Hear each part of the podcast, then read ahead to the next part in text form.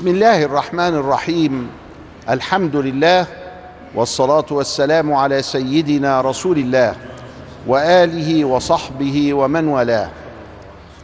في حلقة جديدة مع أنوار النبي المصطفى والحبيب المجتبى صلى الله عليه وسلم نحييكم بتحية الإسلام فالسلام عليكم ورحمة الله وبركاته. عرفنا ما كان من شأن النبي صلى الله عليه وسلم بعدما تزوج السيدة خديجة وأنجب منها أبناءه من الذكور والإناث فمات الذكور صغارا وبقيت الإناث السيدة زينب الكبرى والسيدة رقية والسيدة أم كلثوم والسيدة فاطمة وأنجبنا له صلى الله عليه وسلم أحفادا.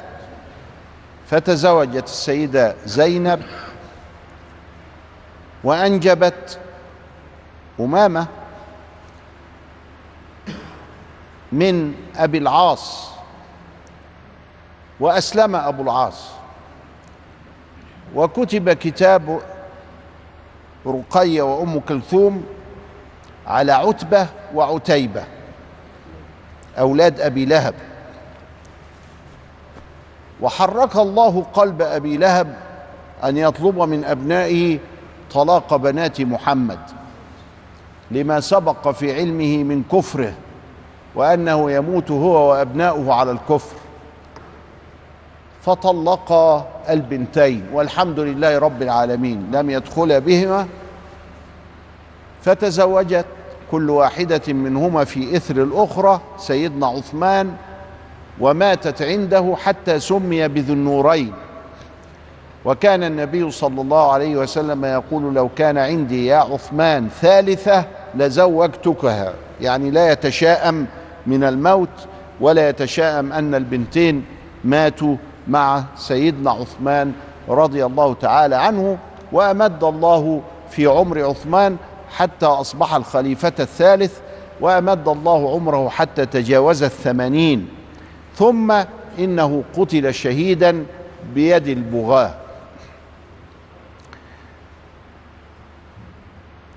والرابعه السيدة فاطمة وأنجبت له ابنا حفيدا. من سيدنا علي وكان مسلما. اذا فالبنات كلهن أسلمن وأزواجهن كلهن كلهم كانوا مسلمين. سيدنا أبو العاص وسيدنا عثمان وسيدنا علي كلهم مسلمين الحمد لله. والبنات كلهن مسلمات.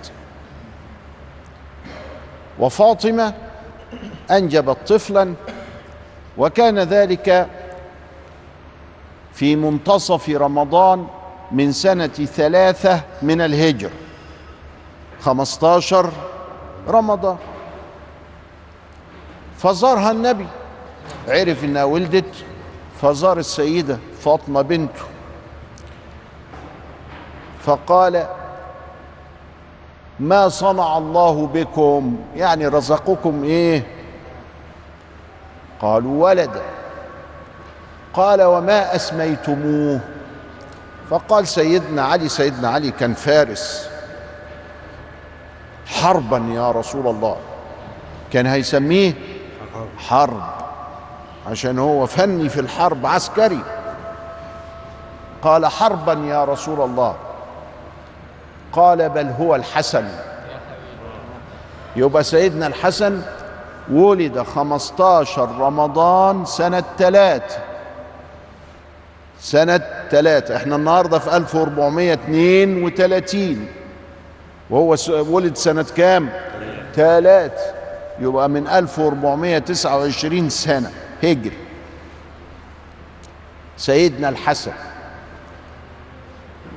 مات سيدنا الحسن كان سنة 49 سيدنا الحسن مات سنة 49 إيه؟ هجر يبقى كان عنده كم سنة؟ 46 سنة. يعني في عز شباب. ولذلك قال سيدا شباب أهل الجنة.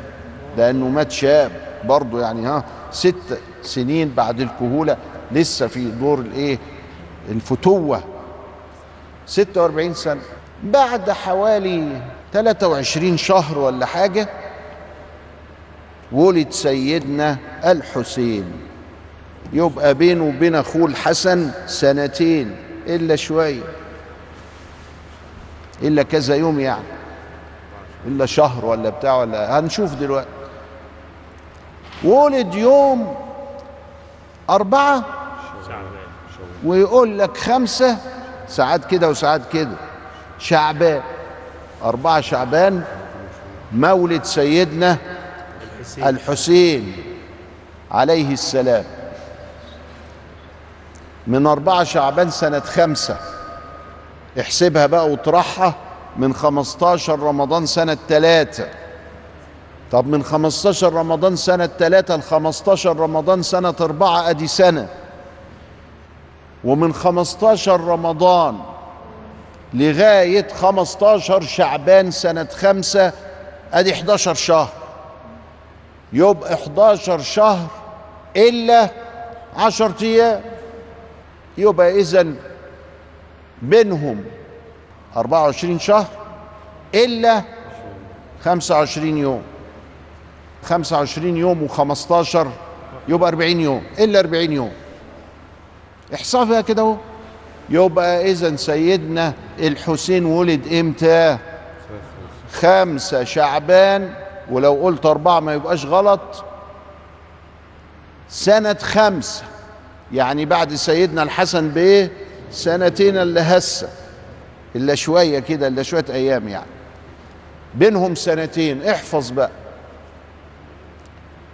سيدنا الحسين سيدنا النبي راح يزور بنته والدة. فدخل. ها ماذا صنع الله بكم؟ قالوا يا ربنا رزقنا ذكر طيب. ما أسميتموه؟ قال له حربا. ها؟ مصمم على إيه؟ على حرب. فقال له بل هو الحسين.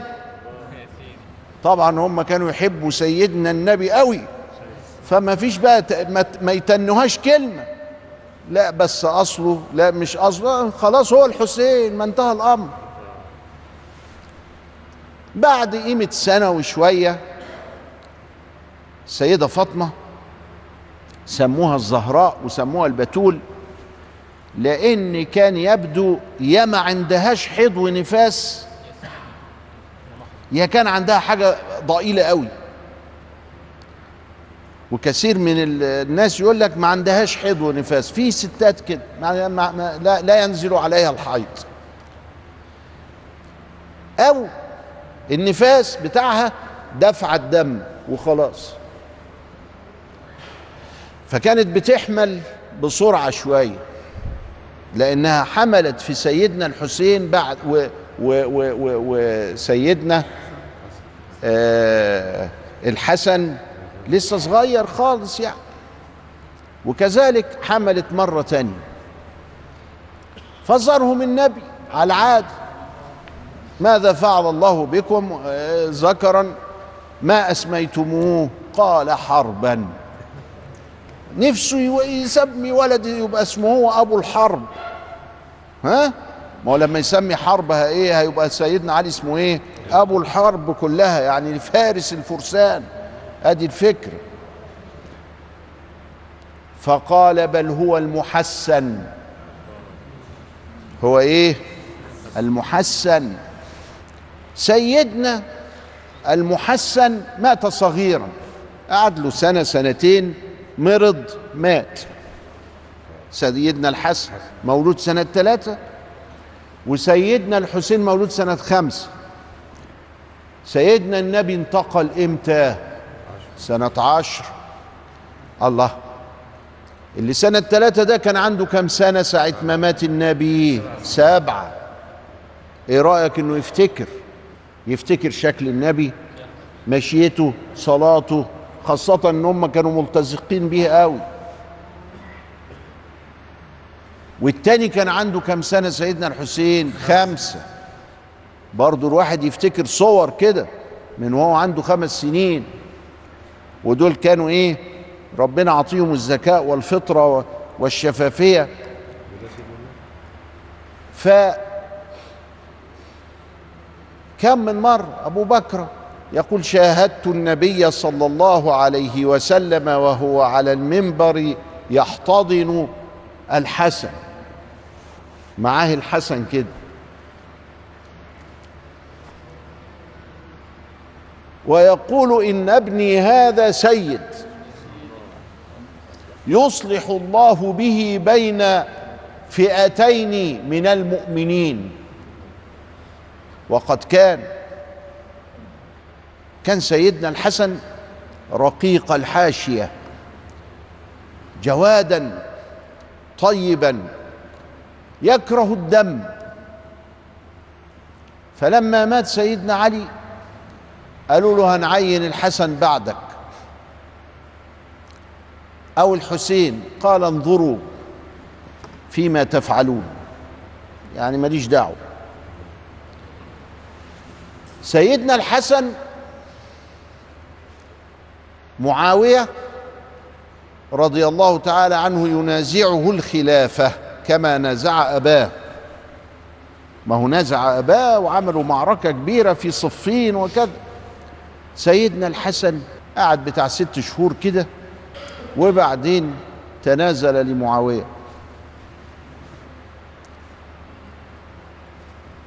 وبعد قليل نسير في رحلة سيدنا الحسن والحسين حتى نلقي نظرة على أحفاد النبي المصطفى ثم نرجع مرة أخرى في حلقات أخرى إلى سيرته صلى الله عليه وسلم فكل ذلك تفرع من زواجه من خديجة والله أعلم.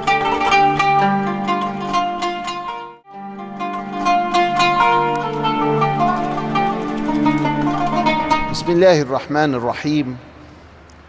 مع سيرة سيدنا الحسن.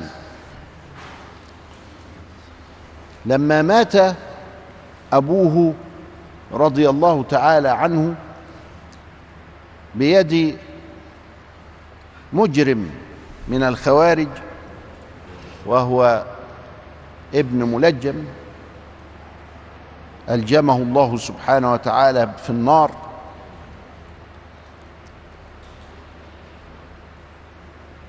لم يعهد لأحد من بعده عند أهل السنة نقول كده أنه لم يثبت في التاريخ. سيدنا الحسن جلس ست شهور. وقد بايعه الناس بايعه أكثر من أربعين ألف. كان ذكي. زي أبوه زي جده. ذكي. بص في الأربعين ألف اللي حواليه عرف إن هم إيه مش هيجي منهم نصرة مساعدة شكلهم كده هيخزلوا هيجروا عند اللقاء. سيدنا الحسين قال له لا اعمل منهم جيش وحارب. قال له أنا أدرى بهذا منك. اصبر شوية لأن دول شكلهم كده هيبيعونا. وأنا لا أريد أن أريق دماء المسلمين. على الفاضي. وأرسل إلى معاوية شروطا. فقبل بعضها ورفض بعضها. وصالحه على ذلك. كان سيدنا الحسن عنده قضية كده. إنه هو يتجوز كتير. حتى قيل إنه تزوج أكثر من تسعين امرأة. وكان في بعض الأحيان كما ورد يتجوز بالأربعة ويطلق بالأربعة. فسيدنا علي كان مش مبسوط من الحكاية دي. وكان يقول يا أهل الكوفة لا تزوجوا الحسن فإنه مزواج مطلاق. وأنا أخشى أن يغضب أقواما علينا. لما يتجوز بنتك وتطلقها قوم تزعل منه. لكن الناس ردت على سيدنا علي وقالت لا يتزوجن من يشاء. يعني هم اللي عايزين إنه يتجوز. حتى الفكرة إيه؟ إن البنت تخلف منه فيبقى خلفت واحد من آل البيت. ودي حاجة يعني كانت عظيمة جدا. فياريت ومع زيجاته الكثيرات ما أنجبناش منه أبدا. سبحان الله. قدر الله كده. ورزقه الله بإحداشر عيل بعضهم مات مع عمه الحسين في كربلاء. ولم يبقى منهم في الخلفة إلا زيد الأبلج والحسن المثنى الحسن ابن الحسن فسموه الحسن المثنى يعني نمرة اتنين الحسن الثاني يعني. هم دول اللي خلفوا والباقي كله مات من غير خلفة. يبقى انحصر نسل سيدنا الحسن في اتنين.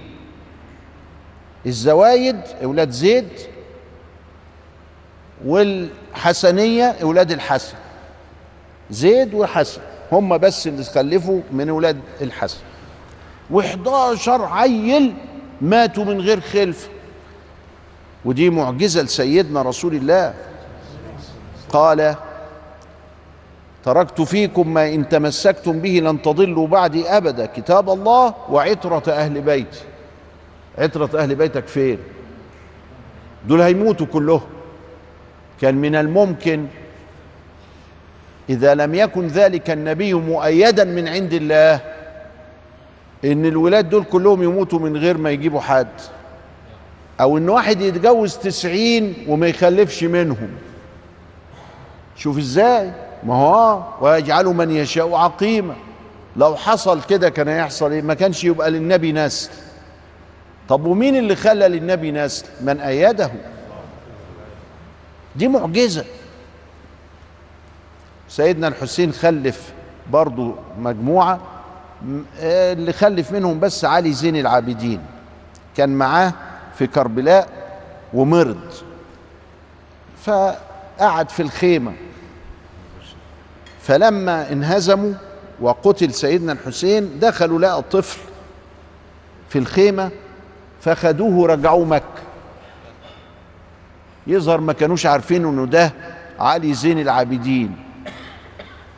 فلما رجع بقى علي زين العابدين السجاد كان يسجد لله في كل يوم ألف سجدة. بعضهم يقول في صلاة وبعضهم يقول لا مش في صلاة كان يسجد كثيرا سج- سجود مفرد سجود تلاوة سجود شكر سجود دعاء وكل ده وارد. فسمي بالسجاد. وكان آية في الورع والتقوى وكان إماما من أئمة المتقين. علي زين العابدين ده.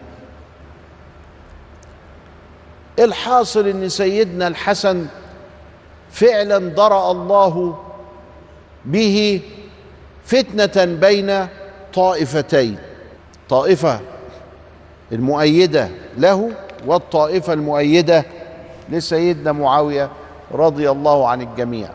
وبعدين الحسن خد بعضه وروح المدينة. ومن الستات اللي كان متجوزها واحدة كان اسمها جعدة ولسبب غير معلوم يا ترى السياسة دخلت فيها؟